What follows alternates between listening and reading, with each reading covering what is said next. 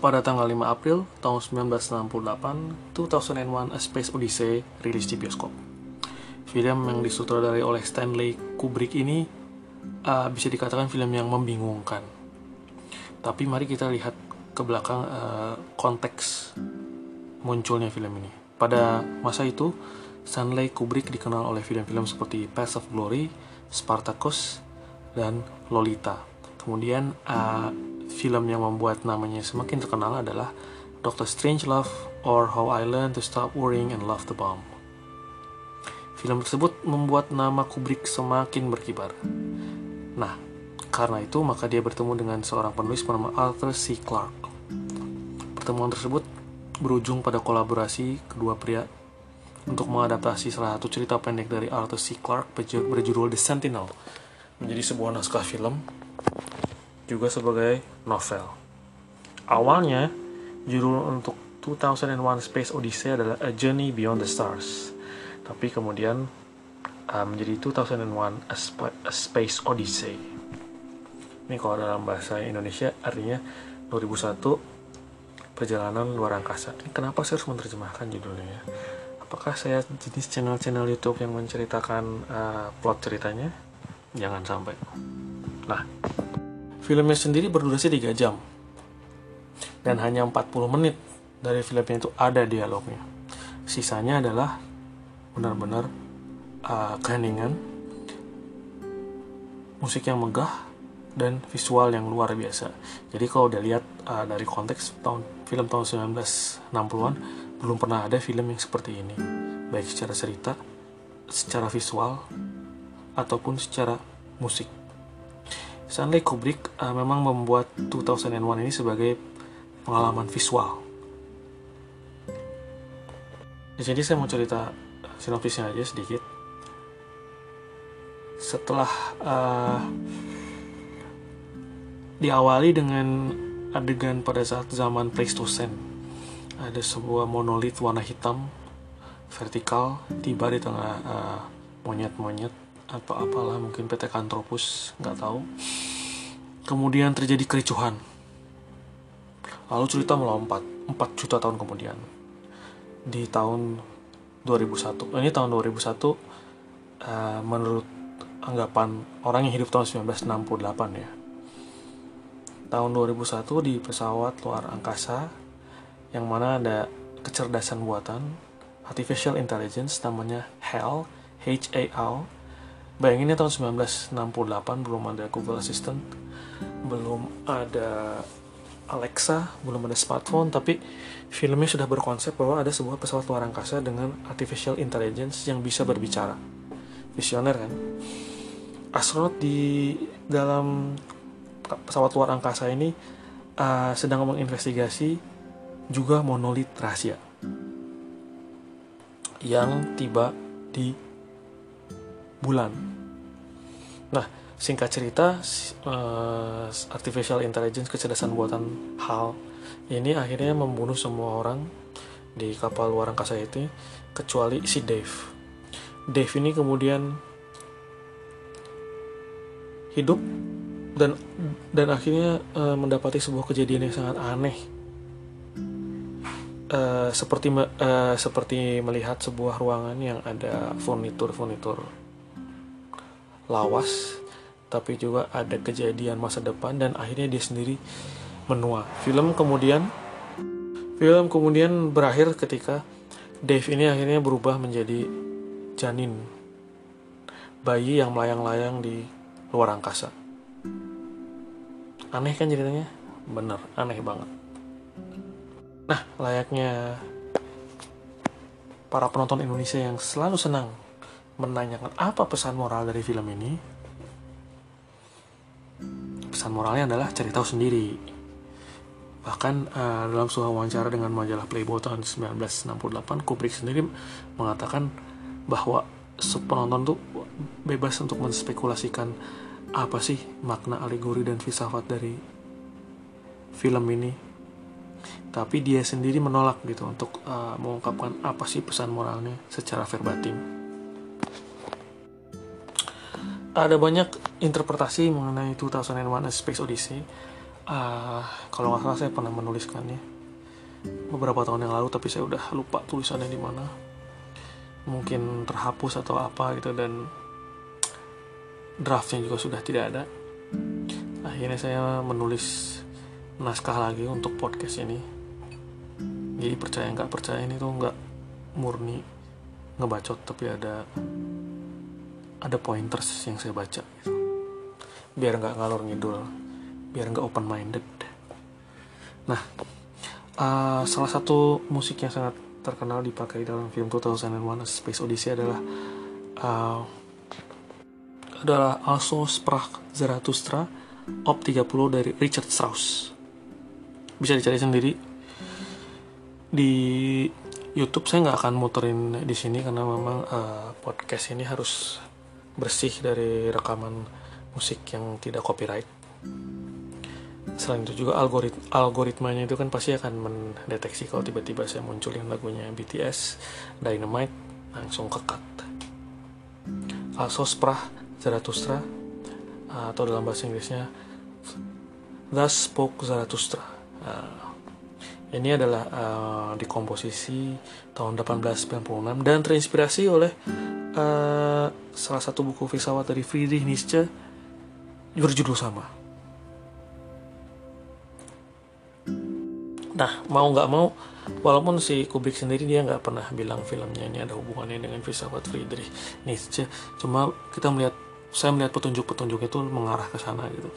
Dan ini adalah interpretasi saya, bisa salah, bisa benar, bisa jadi orang lain punya yang lebih bagus, silahkan aja. Jadi ini bukan uh, benarisme ya, benarisme so edgy jaksel ya, bukan. Uh, saya rangkum sedikit lah soal Friedrich Nietzsche ini apa gitu. Tapi saya nggak akan cerita terlalu mendetail gitu. Dia waktu waktu TK duduk sebangku apa siapa zodiaknya apa pacar pertama siapa nggak lah. Cari tahu sendiri aja banyak di mana-mana. Uh, yang patut diamati dicermati dari tulisan-tulisan Friedrich Nietzsche itu adalah uh, dia memilih gaya penulisannya itu aforisme. Jadi tidak secara sistematis. Jadi paragraf-paragraf panjang yang seolah-olah seperti ngalor ngidul um, tidak sistematis dan tentu saja penuh perumpamaan. Gitu. Meskipun Nietzsche menolak gaya berpikir sistematis namun ini adalah satu pola yang selalu berulang dalam pemikirannya metode itu disebut genealogi nah, itulah kata yang dapat merangkum metode filosofis Nietzsche bagi Nietzsche ini bukan teori mengenai asal usul dan juga uh, ilmu yang berusaha mencari logika dasar, melainkan dia mendekatkan diri pada metode fisio psikologis. Pusing sama, nggak usah terlalu dipikir ini hanya sekedar uh, bagaimana saya mencoba me, me, me, apa, menyimpan konteks. Uh, Nietzsche ini selalu mempertanyakan uh, kenapa manusia modern itu selalu membutuhkan pegangan dalam hidup ini.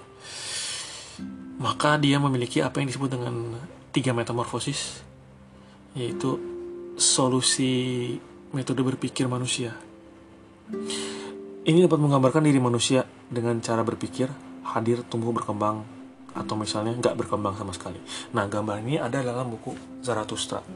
Jadi ingat cocok cocokologinya pemirsa Richard Strauss Zarathustra bukunya Nietzsche juga soal Zarathustra. Gambaran tiga metamorfosis ini pada akhirnya dapat menunjukkan sebuah solusi menurut Nietzsche. Dan ini memang konsep yang sangat abstrak ya. Dan mohon maaf saya nggak mau menghabiskan eh, uh, 70 menit gitu menjelaskan ini. Itu kan ini sudah banyak di buku dan lagi pula saya bukan ahli. Ada yang lebih pintar tanya mereka. Uh, ada buku baca sendiri. Terima kasih dalam teks tersebut digambarkan ada tiga metamorfosis roh yaitu unta singa dan bayi. Ini saya harus jelasin tiga-tiganya ya.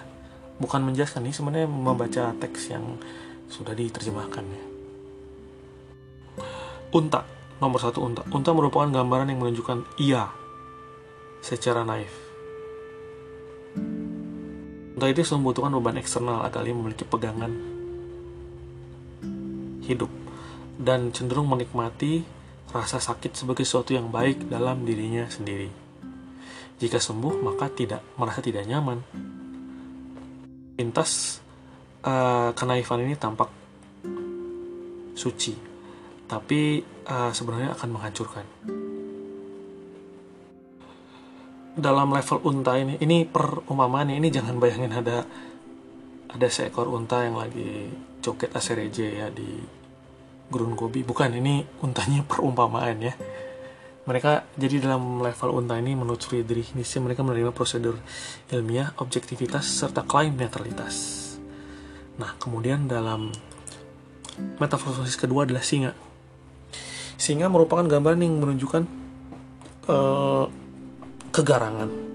Ini kebalikan dari roh unta. Dia menentang rasa sakit dengan garang, berusaha tidak tunduk dan berusaha untuk melawan. Roh singa ini tampil pula dalam uh, mereka yang beranggapan bahwa sains tidak berguna selalu berupa dan tidak memberikan kepastian. Sebelum ada teori yang dapat menjatuhkan teori sebelumnya, maka teori yang sebelumnya itu masih bisa dipegang. Ini yang uh, dipegang oleh singa. Sekali lagi ini per perumpamaan, bukan Lion King Disney. Dan emang agak sedikit sulit harus harus harus apa menjelaskan cuma dari bacotan gini doang. Harus sambil membaca dan mohon maaf ya saya nggak mau jelasin uh, kehidupan Nietzsche itu karena capek ngomongnya. Dan yang ketiga adalah bayi. Bayi merupakan sebuah gambaran yang menunjukkan sebuah sikap yang uh, kepolosan.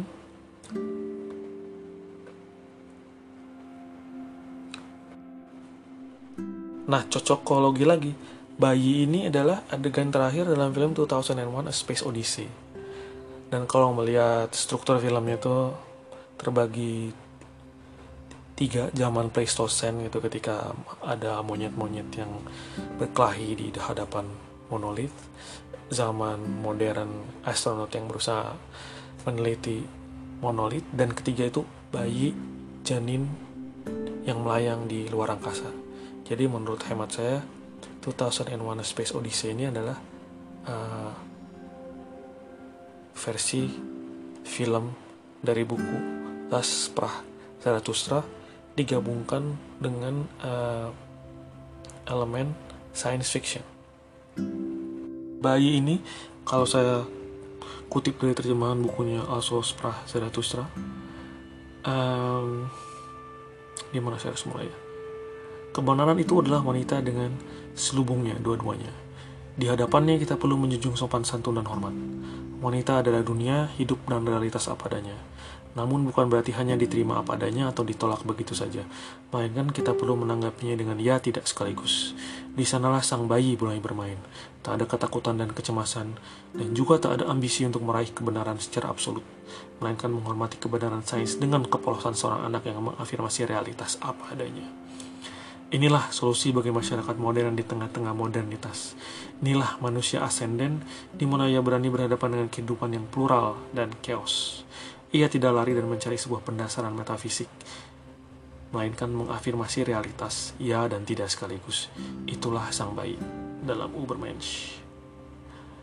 Ribet, saya juga nggak bisa menyederhanakan uh, aforismanya gitu. Tapi yang bisa dilihatkan dari tiga tiga tiga tahap metamorfosis. Nietzsche ini bahwa 2001 Space Odyssey ini juga merupakan metamorfosis. Mengenai uh, ya itu tadi posisi manusia dalam peradaban. Sudah sejauh mana kita melangkah dan menuju apa kita melangkah. Itu sih. Um, saya yakin bahwa apa yang saya ungkapkan di sini tuh nggak lengkap uh, harusnya bisa lebih panjang. Tapi saya sudah capek. Bisa dicari sendiri bacaan-bacaan pelengkapnya atau kalau misalnya tidak setuju silahkan. Mungkin saya akan setuju dengan yang tidak setuju itu. Kenapa enggak? Dan jangan lupa kalau sedang nonton film ya harus nonton 2001 Space Odyssey. Dan nggak masalah kalau nonton sekali dua kali. Udah nih udah 14 menit ya. Pide terima kasih telah mendengarkan